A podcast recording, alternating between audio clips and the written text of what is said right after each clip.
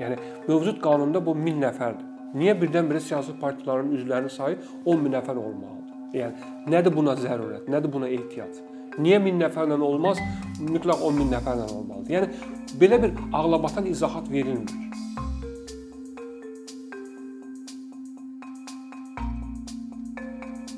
Siyasi partiyalarla bağlı yeni qanun layihəsi əslində Azərbaycanda ciddi bir bu sahədə ehtiyac olmadan gündəmə gəldi. Çünki qüvvədə olan hal-hazırda siyasi partiyalar haqqında qanun e, bir sıra məsələləri özündə əks etdirir və kifayət qədər də siyasi partiyaların yaradılması, fəaliyyəti ilə bağlı normaları tənzimləyir. Amma qüvvədə olan e, mövcud seçki siyasi partiyalar haqqında qanunun Avropa Şurası standartlarına uyğunlaşdırılması ilə bağlı təxminən deməli 8 il bundan əvvəl bir çağırış olmuşdu. Bundan öncə 2004-cü ildə də bir çağırış olmuşdu. Söhbət Avropa Şurası Venesiya Komissiyasının bizim siyasi partiyalar haqqında qanuna verdiyi rəylərdən gedir. Yəni bu rəylərə əsas götürülmədən siyasi partiyalar haqqında qanunu daha da Avropa standartlarına uyğunlaşdırmaq istəmədən yeni bir mürtəci qanun layihəsi ortaya çıxdı. Bu qanun layihəsinin mürtəciliyi ondadır ki, siyasi partiyaların fəaliyyəti ilə bağlı 3 istiqamətdə çox ciddi məhdudlaşdırıcı müddəalar gətirilib. Birincisi siyasi partiyaların yaradılması ilə bağlı. İkincisi siyasi partiyaların fəaliyyətində daxili formaları və onların daxili idarəçiliyi ilə bağlı məsələlər məhdudlaşdırılır. Üçüncüsü isə siyasi partiyaların ləğvi məsələləri bu qanun layihəsində çox ağır şəkildə qoyulubdur. Açığı qanun layihəsini oxuduqda istər-istəməz düşünürsən ki, sanki Azərbaycan Avropa Şurasının üzvü deyil. Çünki Avropa Şurasının üzv ölkələrində siyasi partiyaların maksimum şəkildə fəaliyyətinin sadələşdirilməsi ilə bağlı, asanlaşdırılması ilə bağlı yanaşmalar var. Ümumiyyətlə siyasi partiyaların ə, fəaliyyətinə belə bir aparıcı ə, yanaşma var ki, siyasi partiyalar qurulduqları, yarandıqları ölkələrdə vətəndaşların iki istiqamətdə hüquqlarını təmin etməsi, təmin etməlidir. Yəni vətəndaşlar öz hüquq birləşmək azadlığından, sərbəst toplaşmaq azadlıqlarını siyasi partiyaların çərçivəsində icra etməlidirlər. Əgər vətəndaş özünün birləşmək və sərbəst toplaşmaq azadlığını siyasi partiya çərçivəsində rahatlıqla, asanlıqla reallaşdıra bilmirsə, gerçəkləşdirə bilmirsə, bu artıq o deməkdir ki, siyasi partiyaların fəaliyyətinə çox ciddi müdaxilələr var və məhdudiyyətlər var. Konkret olaraq bu qanun layihəsinə gəldikdə burada ən ciddi şəkildə mənə elə gəlir gülüş və təəccüb doğuran məqamlardan biri birdən-birə siyasi partiyaların fəaliyyəti ilə bağlı 10 min nəfər üzvün təsisçi kimi, üzv kimi yəni çıxış etməsinə əsas götürürlər. Yəni 10 niyə 10 min üzv? Yəni mövcud qanunda bu 1000 nəfərdir. Niyə birdən-birə siyasi partiyaların üzvlərinin sayı 10 min nəfər olmalıdır? Yəni nədir buna zərurət? Nədir buna ehtiyac? Niyə 1000 nəfərlə olmaz? Mütləq 10 min nəfərlə olmalıdır. Yəni belə bir ağlabatan izahat verilmir. Yəni 1000 nəfər insan əgər bir araya gəlibsə, bir partiya yaradıbsa, bu yet yetmirmi? Yetməzmi ki, biz əlavə də 10 nəfər artıq məsələn düşünürük ki, yox 10 min nəfər üzv olmalıdır. Yəni bununla bağlı ağlabatan açıqlama verilmir. Amma belə e, məhdudlaşdırıcı hallara e, Avropa Şurası Venesiya Komissiyasının yanaşması budur ki, baş siyasi partiyaların yaradılması prosesi çətin olmamalıdır vətəndaşlar rahatlıqla öz ideyalarını, öz baxışlarını siyasi partiyalar çərçivəsində reallaşdırmalıdırlar. Yəni tutalım ki, bir partiya, təsəvvür edin ki, bir partiya ideoloji olaraq qurulur yaşıllığın qorunması ilə bağlı. Yaşıllar, ətraf mühitin mühafizəsi. Mütləq bu partiyanın təsisləri çalışmalıdır ki, 10 min nəfər üzv tapsın. Azərbaycan kimi informasiya belə deyək, məlum informasiya bolluğunun yaratmaz olduğu, ictimai məlumatlandırmanın zəif olduğu bir ölkədə 10 min nəfər yaşıllığın qorunmasında maraqlı olan insanı necə tapaq bir araya gətirək ki, biz partiyanı təsis edək. Yəni belə e, mən deyərəm qeyri-adekvat və anormal e, məhdudiyyət gətirilir. İkinci çox ciddi e, məhdudlaşdırıcı müddəa partiyanın rəhbər şəxsləri təsislərinin 20 il ərzində Azərbaycanda yaşaması şərtidir. Bunun da e, açması yoxdur. Yəni izahat verilmir. Nədən 20 il yaşamalıdır? Yəni bir insan tutalım ki, ə, həddi büluğa çatandan sonra tutalım ali təhsil alır, sonra ölkəsini tərk edir, gedir 3 il, 4 il hansısa ölkədə yaşayır, geri qayıdır və siyasi partiyaya qoşulur. Siyasi partiya yaratmaq istəyir. Belə çıxır ki, bu insan e, ali təhsilini alıb gələndən sonra tutam 24 yaşında qayıdıbsa, bu gözləməlidir ki, bir 15 ildə, 16 ildə Azərbaycanda əlavə yaşasın və ondan sonra siyasi partiyanı yaratsın. Yəni belə məhdudla məh belə müddəalar məhdudlaşdırıcı xarakter daşıyır. Bir bir mənalı şəkildə insanların birləşmək azadlığını məhdudlaşdırır. Çünki birləşmək azadlığına müdaxilə e, belə e, belə kobud şəkildə olmamalıdır. E, vacib müddəalardan biri də siyasi partiyaların ləğvi ilə bağlı qaydaların sərtləşdirilməsidir. Məsələn, irəli sürülən müddəalardan biri siyasi partiyalar dalbadal 2 dəfə parlament və bələdiyyə seçkilərində üzvləri iştirak etmirsə, həmin partiyanın ləğvi ilə bağlıdır. Burada da ə, ağlabatan izahat yoxdur. Birmənalı şəkildə məhdudlaşdırıcı müddəadır. Necə yəni? Bir siyasi partiyanı 2 dəfə dalbadal iştirak etmirsə, onun fəaliyyətinə ə, xitam verilir. Yəni bu burada da bir izahat yoxdur. Əvvəla burada iki məsələni ə, bu qanunun müəllifləri çaşdırırlar. 1. Azərbaycan e, parlamentar və proporsional seçki sistemi olan ölkə deyil. Yəni bizdə parlament seçkiləri, birinci ölkə parlamentar sistem deyil ki, siyasi partiyalar parlamentə seçilir və parlament hökuməti formalaşdırır. Belə bir bizim siyasi sistemimiz yoxdur. İkincisi, proporsional sistem əsasında seçkilər keçirilmir. Yəni ə, e,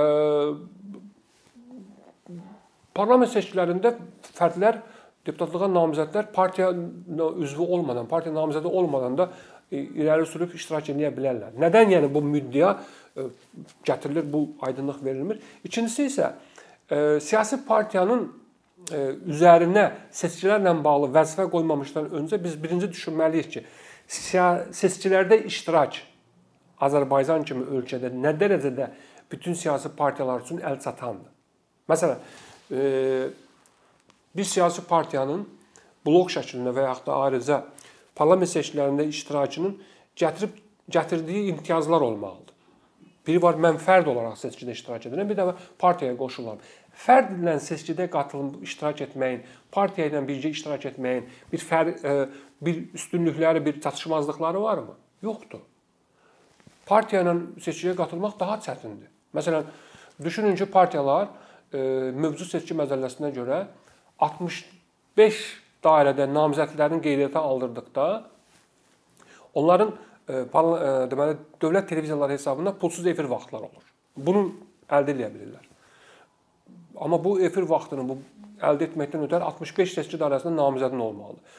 Gəlin baxaq ötən seçkilərin e, dinamikasına statistikasına nə qədər siyasi partiya 60-dan artıq seçki dairəsində namizədlərini qeydiyyatdan keçirə bilibdir. Yəni problem seçki sisteminin özündədir. Seçki sistemindəki qüsurlar aradan qalxmadan seçkilərdə iştirakçı partiyaların üzərinə öhdəlik kimi qoymaq absurddur. Absurd məsələdir və bunu ə, e, qanuna gətirmək bir mənalı şəkildə məhdudlaşdırmadır. Ümumiyyətlə bir də bir anlayış bizim ə, e, qanunvericilərin ə, mənə elə gəlir ki, dünya görüşünə daxil olmalıdır ki, iş e, siyasi partiyaların ləğvi vətəndaşların birləşmək azadlığını məhdudlaşdırmaqla yekunlaşır. Yəni partiyalar absurd bir təşkilat deyil. Partiyalar insanlardan ibarətdir, vətəndaşlardan ibarətdir. Siz bir partiyanı e, ləğv etmək istəyirsinizsə, bunun üçün çox ciddi legitim əsaslarınız olmalıdır. Yəni söhbət vətəndaşların birləşmək hüququnu, ifadə azadlığını bir partiya çərçivəsində məhdudlaşdırmaqdan gedir.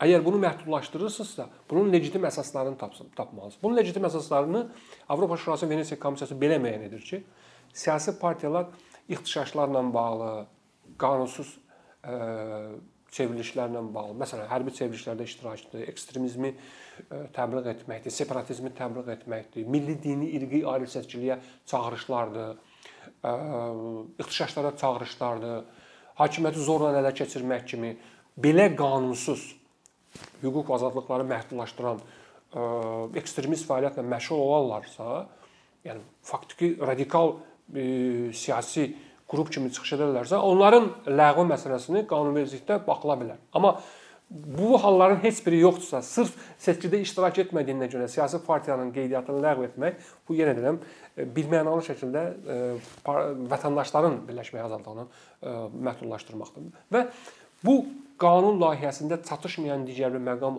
əsas məqam ondan ibarətdir ki, bu Azərbaycan qanunvericiliyinin və Azərbaycanda dominant olan ə, o siyasi dünyagörüşün problemidir. İstər həmkarlar ittifaqları, istər qeyri-hökumət təşkilatları, vətəndaş cəmiyyəti təşkilatları, yaradıcı birliklər, siyasi partiyalar vətəndaşların birləşmək və toplaşmaq azadlıqlarını reallaşdırması üçün olan müstəvilərdir. Yəni bir vətəndaş özünün birləşməyə ehtiyacını hiss edir. Başqalarıyla bir partiya altında birləşir və yaxud da bir həmkarlar təşkilatı altında birləşir və yaxud da bir ictimai birlik çərçivəsində birləşir. Siz bu siyasi partiyanın yaranmasını, ləğvini və yaxud da həmkarlar təşkilatının yaranmasını, ləğvini, ictimai birliyin təsis olunmasını, ləğvini çox kobud müdaxilələrlə e, müşayiət olunan normalarla tənzimləyirsinizsə, faktiki olaraq siz vətəndaşların birləşmək azadlığını məhdudlaşdırmış olursunuz. Yəni vətəndaşların birləşmək azadlığına müdaxilələr dediyim kimi belə asan şəkildə olmamalıdır. Bunun legitim əsasları olmalıdır. Əfsus olsun ki, bu qanun layihəsində o yoxdur. Siyasi partiyaların maliyyələşməsi ilə bağlı məsələlərə də qanun layihəsində açıqlıqla aydınlıq gətirilmir. Çünki burada qeyd olunur ki, siyasi partiyyalar xaricdə maliyyələşənməz. Amma maliyyələşmə dedikdə nə nəzərdə tutulur? Tutalım ki, hansısa bir siyasi partiya xaricdə keçirilən konfransa deyək ki, dəvət alır, iştirak edir və həmin konfransın xərcləri həmin fond tərəfindən və yaxud da ki, qurum tərəfindən maliyyələşir. Və yaxud da siyasi partiyalarımız tutaq ki, hal-hazırda bir 3 siyasi partiya, 4 siyasi partiya var ki, müxtəlif beynəlxalq qurumların üzvləridirlər. Yəni başqa siyasi Avropada, dünyada mövcud olan siyasi alyansların üzvüdürlər. Liberal alyansı olsun, sosialist alyansıdır, mühafizəkarların, demokratların belə alyansları var, onun üzvləridir və həmin qurumlar tutam ki, Azərbaycanda bu siyasi partiyanın üzvləri üçün hansısa bacarıqların artırılması, siyasi menecmentlə bağlı tədbirlər təşkil edir. Və yaxud da bir sıradan bir qeyri-hökumət təşkilatı siyasi partiyalar üçün hansısa bir təlim məşğələ təşkil edir. Bu yardım sayılacaqmı? Bax bu məsələlər ə, aydınlaşdırılmır. Bu məsələlərə aydınlıq gətirilmir.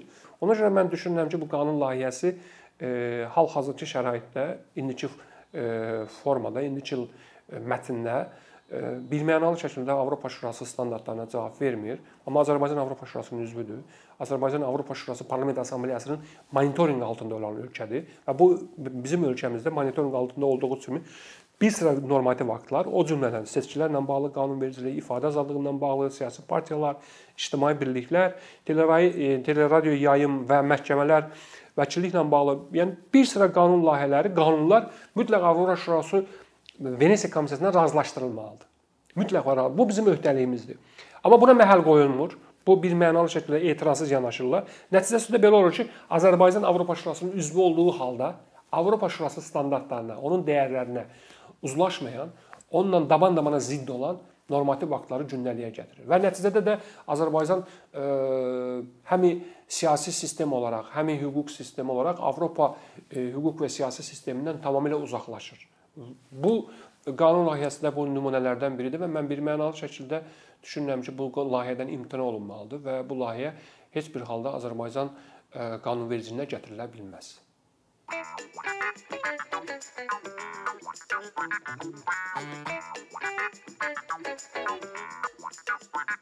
you.